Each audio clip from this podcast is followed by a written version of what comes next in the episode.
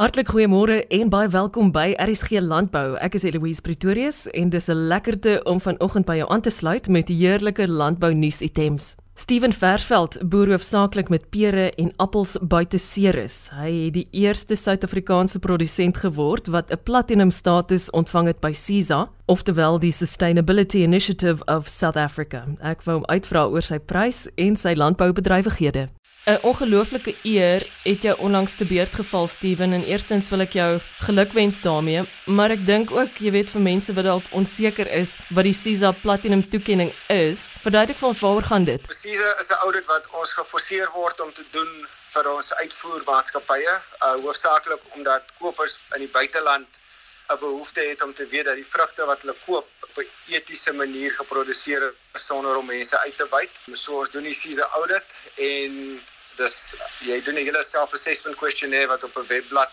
gelaai word. Jy moet dit elke jaar doen en dan en dan moet jy 'n derde part party audit kry om seker te maak dat wat jy sê jy doen jy wel doen en hulle en dan kom hulle en dan hou hulle gesprekke met die werknemers en hulle gaan hoofsaaklik al jou papierwerk deur en dan kry jy 'n klomp goed om reg te maak en as jy dit reg gemaak het dan kry jy nou of 'n goud of 'n silwer of 'n platinum of wat ook al. Ek het nog altyd maar net gefokus op om te sê solank ek die belangrike gedeelte doen en dit is om seker te maak dat ek eerlik is en nie mense uitbuit nie. So daai gedeelte was was redelik maklik en ons hou gereelde wat hulle noem dinkskrims op die plaas en dan gesels mense oor wat hulle pla en dan kry ek 'n hele lys klagtes wat wat ek dan met hulle deurwerk. Uh so daai gedeelte was al jare lank in plek.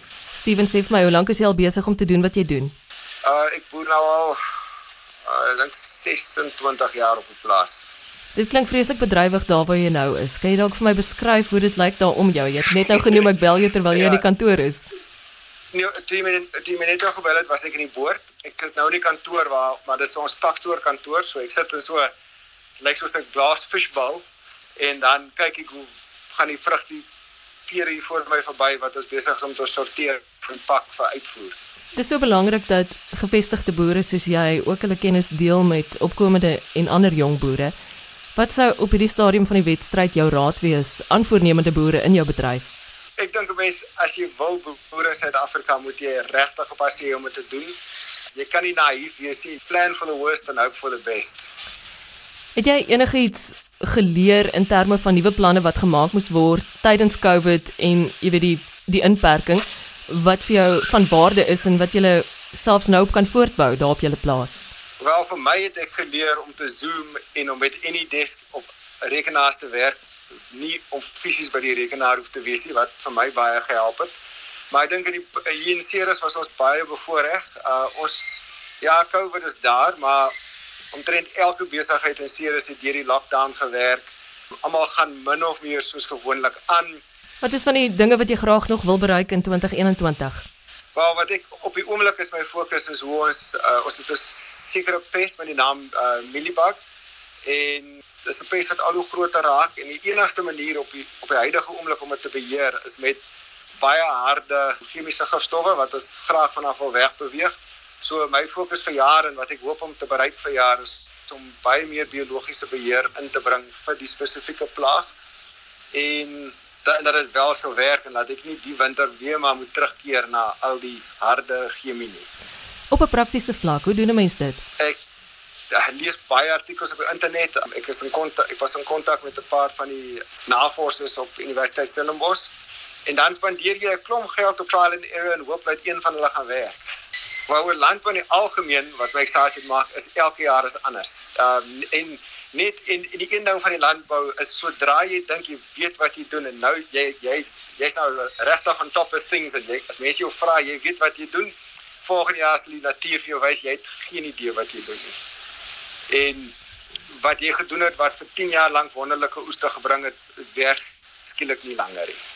Uh so ek dink dit hou jou definitief nederig. Daar's ek dink jy daar's enige boer wat sou sê ja, ek am on top of everything. Ek weet presies wat ek doen. Steven Versveld, 'n vrugteboer van Agtertuin Farm buite Ceres, het die eerste Suid-Afrikaanse produsent geword wat 'n platinum status ontvang het by SISA of die Sustainability Initiative of South Africa. Sy etiese audit van derde party is gedoen op die jongste weergawe van die SISA Social Standard Nou na 'n volgende landbounuus item wat my persoonlik geweldig interesseer. Lawrencewood wynmaker Hannes Nel het 'n tyd terug sy jongste kleinpot wynreeks bekend gestel. Ek wou meer te weet kom oor hierdie eertydse manier van wynmaak. Hannes is ook passievol oor grondgehalte en volhoubare landboumetodes.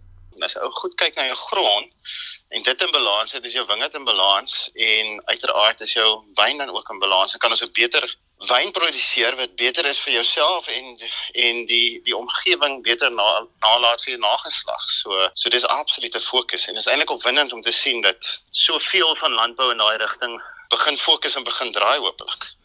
Ek kan nie meer met jou saamstem nie. Ek praat met mense reg oor die die spektrum in die sektor elke liewe dag en wat jy presies gesê het nou is is toepasbaar op op net mooi elke persoon wat op selfs die mees geringe manier jy weet betrokke is by landbou. En dit voel ook vir my rentmeesterskap het nou skielik 'n nuwe baadjie ook aangetrek. Net mense half en ek sê dit nie met 'n jy weet negativiteit nie maar hulle is meer bewus van hulle eie mortaliteit as jy dit sou wil stel en werklik iets van hulle lewens wil maak in die baie kort periode wat ons hier is. En ek vind dit in landbou ongelooflik so. Ja nee ek dink ek dink ons ons kyk op net na die impak wat ook wat ons maak. En ehm um, jy weet om om weet twee keer te dink oor oor wat ons doen en hoekom ons dit hoekom ons dit doen in die landbou ook en weet wat is wat is die beste vir die omgewing.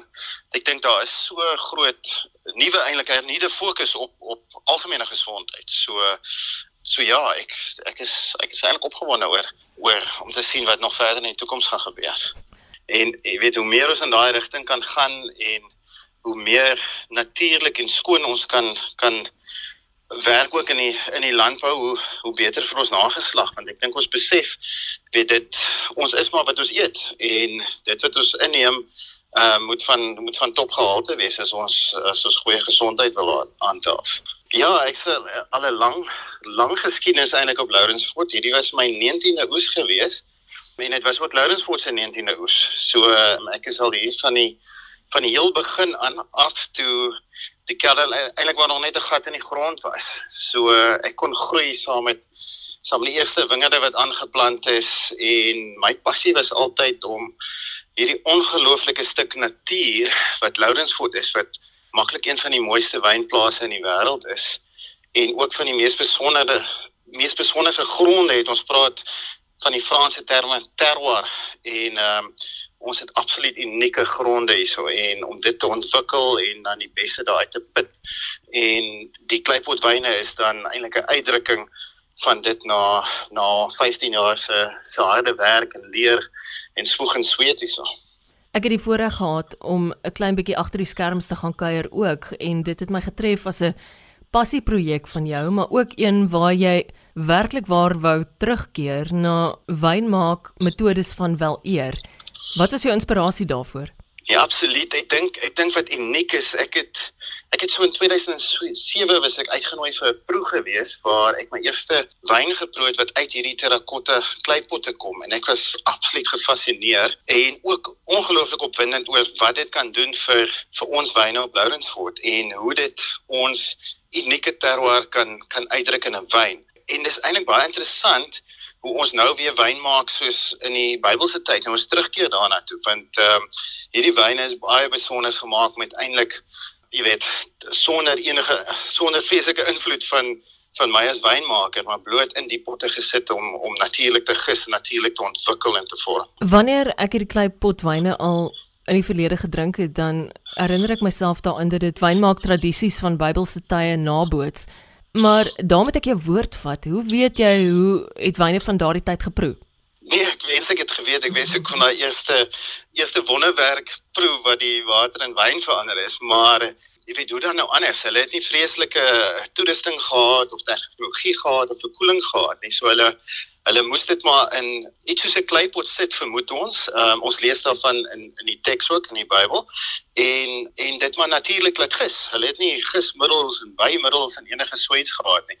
En die die kleipot is natuurlik ook 'n baie natuurlike uh, manier om die wyne koel te hou. Ek kon dit ook groot geword het my ouma so so uh ook maar terrakotta pot in die kombuis gehad met om my water koud te hou en daai water is yskoud altyd daar gewees. So dis 'n baie natuurlike manier om om te doen wat ons wat ons eintlik vandag met met kom tegnologie doen. Hierdie kleipotte is enorm. Jy weet, ek is 'n lang vrou. Ek is byna 1.8 en ek is seker as ek nou regtig my asem intrek, sou ek in een van hulle kon pas. Waar op aarde het jy hulle in die hande gekry aan is?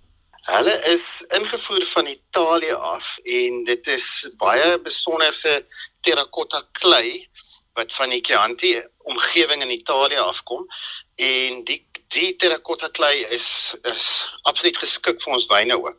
Van die gronde is so dat dit poreus genoeg is dat dit baie die vate wat ons gebruik naboots die die lug vloei deur die vate en so so dis mikroporeus en ehm um, dit gee vir ons net net genoeg lug wat wat in die wyn inkom of suurstof wat in die wyn inkom. So so ja, hulle maak dis eintlik kunstenaars wat hierdie amforas maak of die kleipotte maak. En hulle maak maar soos ons gebruik van die 400 liter ehm um, grootte, hulle maak maar so 70 van hulle 'n jaar. En dan het ek een grootte waarin jy nou maklik sal pas, die 800 liter ene en uh, hulle maak maar 3 van hulle in 'n jaar. Dit vat so 3 maande om een te maak. Wat is die wyne binne die Kleipot reeks wat jy dan onlangs vrygestel het? Ons het 'n 'n Chardonnay net vinnige agtergrond oor hom. Hy is natuurlik gegis. Die die sap is net so gesit in die in die kleipotte en dan het ek so 3% heel korrels van van die blok bygesit. Nou ons gaan absoluut in die blok in, ons topblok en ons kies die beste die beste trosse en die beste korrels wat ons daarvoor gebruik. Dan het ons 'n Rosan wat 'n uh, baie interessante variëteit is en die heel trosse in die kleipot gepak net soos wat hy van die wingerd afkom natuurlik ook die bes uitgesoekte trosse en dan maak ons hom maak ons die kleipot boot toe en dan los ons hom en ehm um, dieselfde het ons gedoen met die petit syrah ek het daar so 7% viognier trosse bygesit ons pak regtig hierdie heel trosse mooi versigtig en en en mooi bymekaar in in die kleipotte en dan dan gooi ons droë ys in en dit druk al die suurstof uit. En dan seël ons die potte en los hulle eenvoudig. En dan begin dit uiteindelik gis en die gissingsproses vat omtrent so 3 maande. En daarna sal ek nou die die langste maarste persoon in die keller met die grootste voete soek en hulle voete mooi steriliseer en en hulle in die in die potte sit en dan trap hulle dit vir ons net vinnig om die laaste wyn uit die korrels uit vry te stel en dan daai gisting die laaste stukkie van die gisting is dan nog so 2 weke voordat ons dan die wyn van die korrels gaan skei.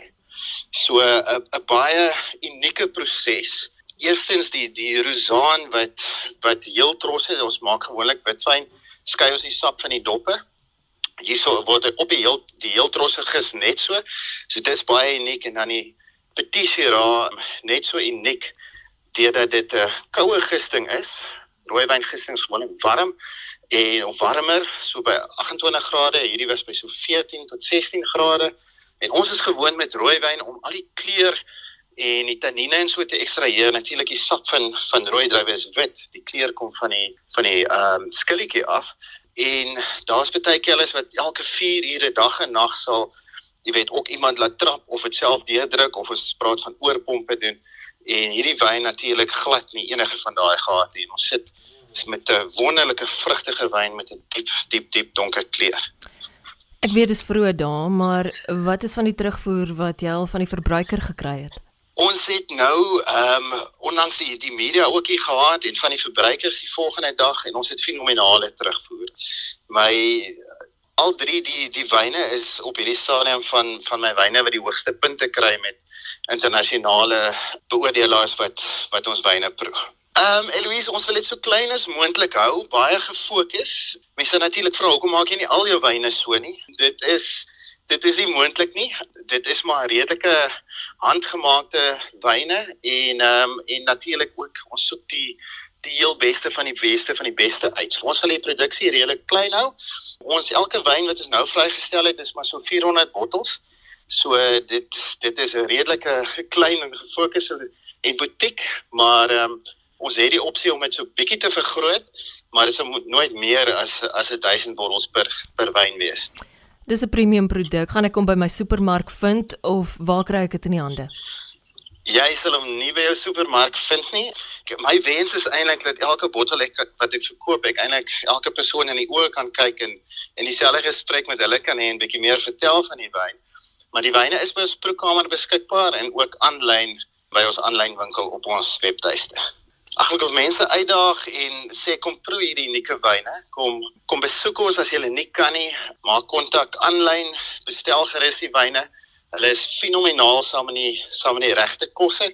Ons het onlangs 'n ongelooflike geleentheid gehou, baie besonderse geleentheid hier in ons antieke kirkbos op die plaas waar ehm um, sê vir ons die wyne gepaar het met met unieke kos en ons het die Chardonnay saam met 'n heerlike Weskus kreef gehad. So mense kan dit gerus probeer en dan saam met die Rosan het ons 'n uh, vars gebraaide snoek met patat en so ligte curry sousie gehad. So dit is iets wat baie goed saam met hom werk. En die petit syrah gaan fenomenaal saam met 'n lekker stukkie lam op die kolle met miskien 'n gaar gemaakte beet daarby. So mense kan gerus dit uitprobeer en ja, en hierdie besonderse wyne kom herontdek eintlik die antieke wyne amper. Lawrence Food wynmaker Hannes Nel oor sy jongste reeks kleipotwyne. daarmee dan ons program vir vanoggend. Baie dankie dat jy ingeskakel het. Onthou om môre om kwart voor 12 kan jy gerus weer vere regskit vir nog 'n aflewering van RSG Landbou. Al ons programme is ook aanlyn beskikbaar op www.elsenburg.com. Ek is Eloise Pretorius en ek wens jou 'n produktiewe Vrydag hier in die geselskap van RSG. Totsiens.